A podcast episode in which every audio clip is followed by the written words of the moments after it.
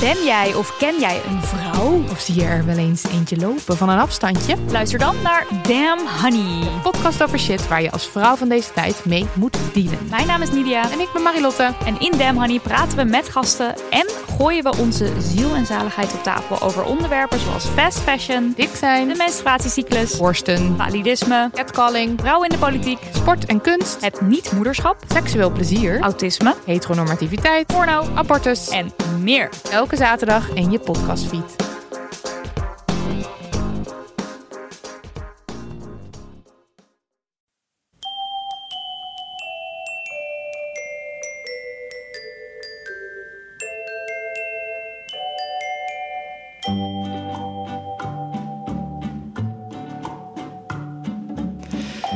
Welkom bij aflevering 44 van de Echt Gebeurd podcast, waar echt gebeurde verhalen worden verteld door de mensen die het zelf hebben meegemaakt.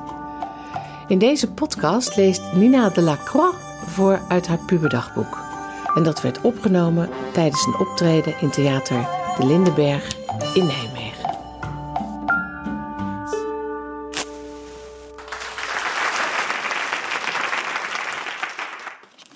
Kijken hoor. Ik begin in 1992.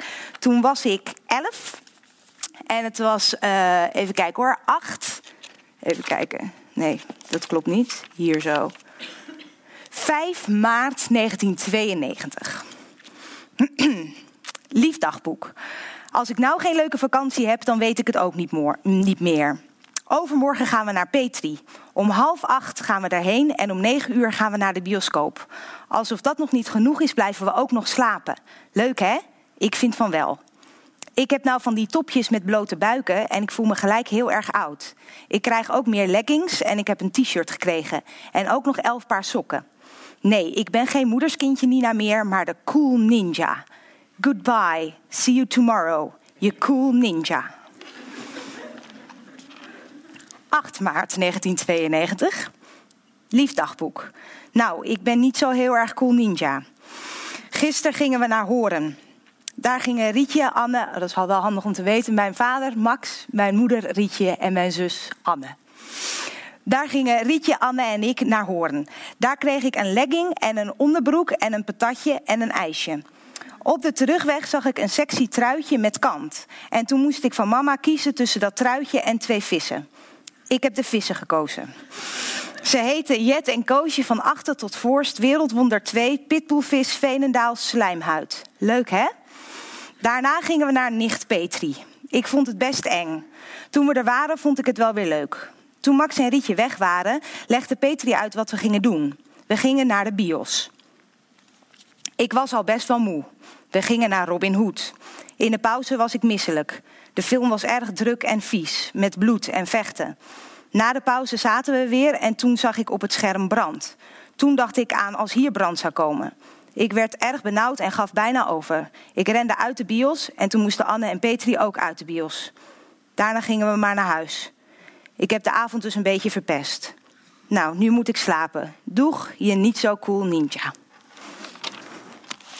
Maken we een sprong in de tijd. Namelijk naar 17 februari 1994. Ik was toen nog net 12 jaar.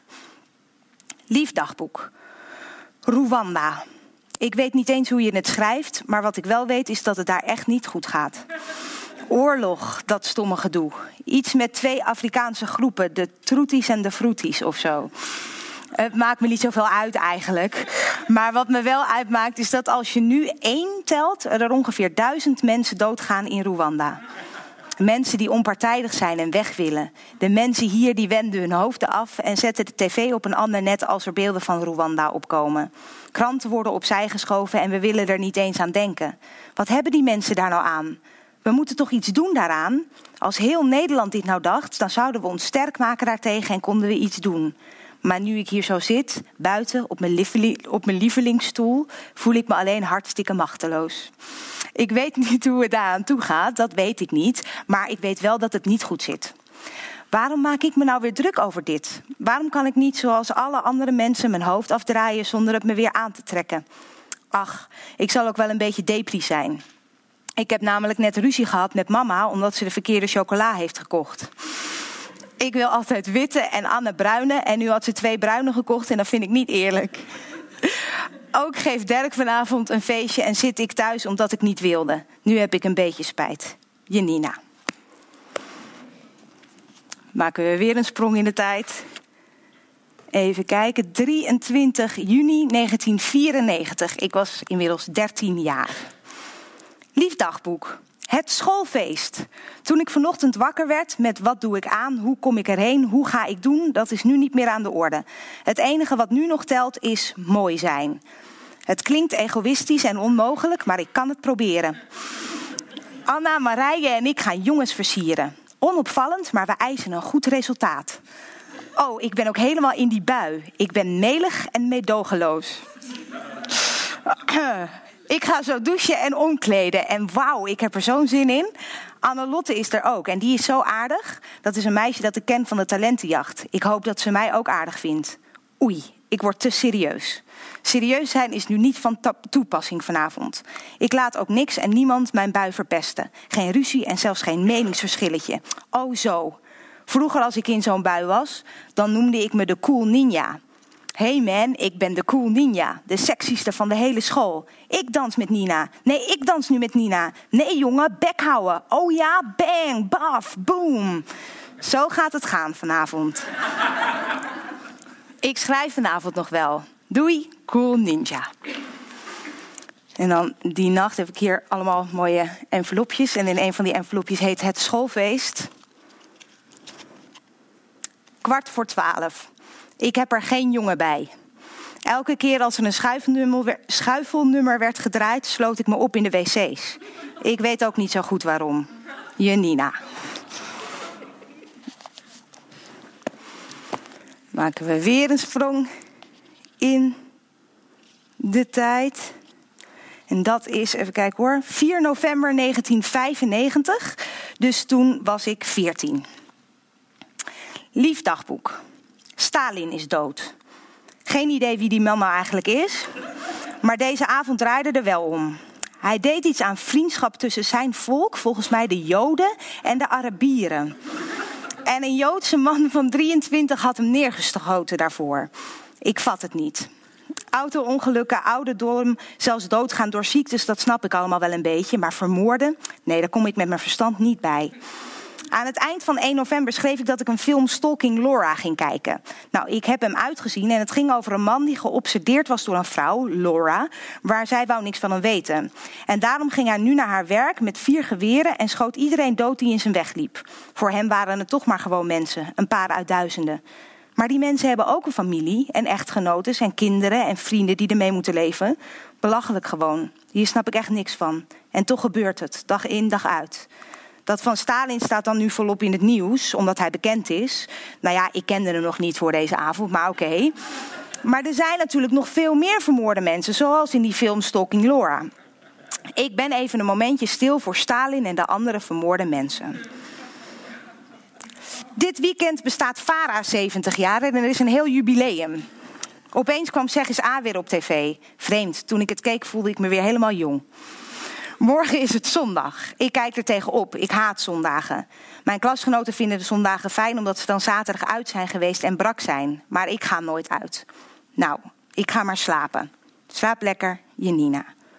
PS, ik vertelde net in de badkamer aan mama over Stalin en de andere vermoorde mensen. En nu blijkt het niet Stalin te zijn, maar Rabin. Wist ik veel. Ik wil niet krassen in mijn dagboek, dus ik doe het zo. Stalin is Rabin.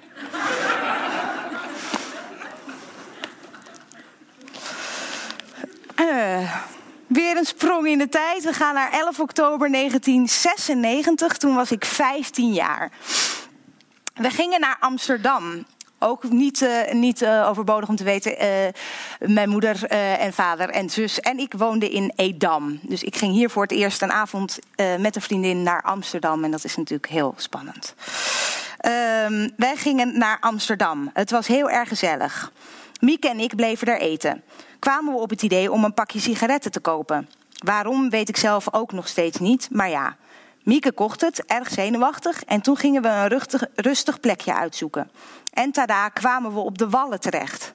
Vet eng, Maar uiteindelijk kwamen we er wel weer uit. Na veel fluiten van mannen en blote vrouwen en rode lampjes. En toen vonden we een rustig steegje. Ik had er eigenlijk al helemaal geen zin meer in. En na twee trekjes had ik wel genoeg. Mieke rookte er nog één. En toen kwam er een man op een motor naar ons toe. Politie. Hij, wat doen jullie? Wij, we roken een sigaret. Hij, oh, nou het lijkt net alsof jullie staan te gebruiken. Ik met mijn stomme kop, wat staan te gebruiken? Oh, ik snap het al. Hij, dus jullie praten hier gewoon wat. Wij, ja. Hij, nou, ik weet wel wat veiligere plekjes om dat te doen hoor.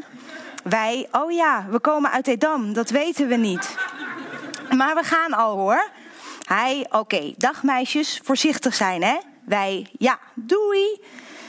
Ik schaamde me kapot en ik voelde me oerstom. En dat was het ook, want ik wil helemaal niet roken. Ik haat het en ik ben er gewoon op tegen. Daarbij kan je er kanker van krijgen. Je kan best een keer een trekje nemen, maar een heel pakje kopen en dan op deze manier oerstom. De rest van het pakje hebben we weggegooid trouwens. Ook zonde van het geld. Janina. Even kijken. Weer een stap in de tijd. 19 februari 1998. Ik was nog net 16. Lief dagboek. Vanavond is mijn verjaardagsfeest, want ik ben jarig om 12 uur. Papa zong net naar me Sweet 16 and Never Been Kissed. En dat klopt verdomme ook nog. Mijn hele zestiende levensjaar en ik ben nog steeds met niemand geweest. En dat terwijl er afgelopen jaar toch zeker zes of zeven jongens gek van me zijn geweest. Ik moet echt iets gaan veranderen. Iets meer uitgaan en iets stoerder worden. Ja, als ik 17 ben ga ik stoer worden en meer doen. Nu eerst een feestje. Joehoe! 20 februari, 5 over 12. Toffe verjaardag. Iedereen die ik gevraagd heb is gekomen. En iedereen had het heel erg naar hun zin. Het was echt oergezellig. Ik heb het in tijden niet zo leuk gehad. We moesten bij de avondwinkel nog extra bier kopen. Het was echt zo leuk. Nu zijn papa en mama beneden al het bezoek naar buiten aan het krijgen, want ik lig al in bed. Zo moe man, slaap lekker. Janina. PS, I'm 17. Hetzelfde dagboek, maar wel weer een sprong in de tijd. Namelijk 11 april 1998, 17 jaar. Lief dagboek. Ik ben net terug van Roels feest. Ik voel me heel raar. As always moest iedereen zich besopen drinken om het leuk te hebben... en zat ik als enige nuchter in die kamer. Ik voel me heus wel prettig bij hun, maar ze zijn zo anders. Ze drinken zoveel en ze gaan zo lang door. En dan de klefheid van die jongens, walgelijk. Roel is dan nog wel lief, even zijn hoofd in mijn nek leggen of zo. Maar Bram grijpt gewoon volop in mijn borsten. Vorig jaar deed hij dat ook wel, maar toen vond ik het minder erg dan dat ik het nu vind. waarschijnlijk omdat ik er nu meer waarde aan hecht, aan aanrakingen en zo. En ook waarschijnlijk omdat ik grotere borsten heb gekregen. En dan Bastiaan. Hij, ik ging weg en iedereen zoende me en hij dus ook. Maar dan blijft hij na die derde zoen zo hangen. En dan houdt hij me vast terwijl hij zijn heupen tegen mijn heupen aanduwt. Zo vreselijk naar vind ik dat. Ik voel hem dan echt en dat wil ik niet. Ik wil dat niet voelen en niet van hem en niet op die manier. Dus ik ben naar huis gegaan.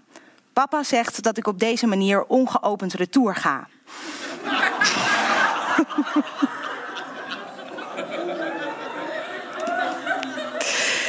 Papa zegt dat ik op deze manier ongeopend retour ga. Als ik nooit uitga of vriendjes heb. Maar ik wil het gewoon niet. Ik wil gewoon thuis zijn.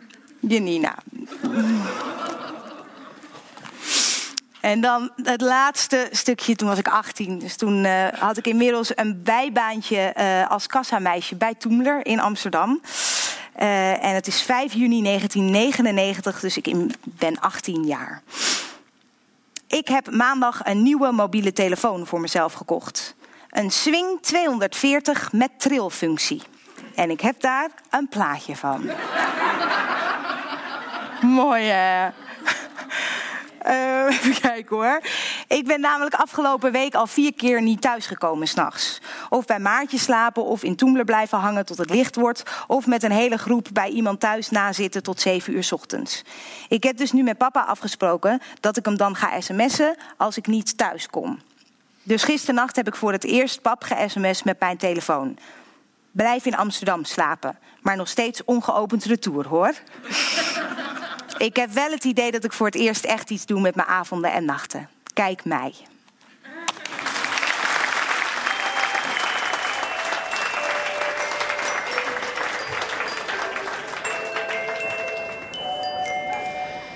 Dit was Nina de Lacroix.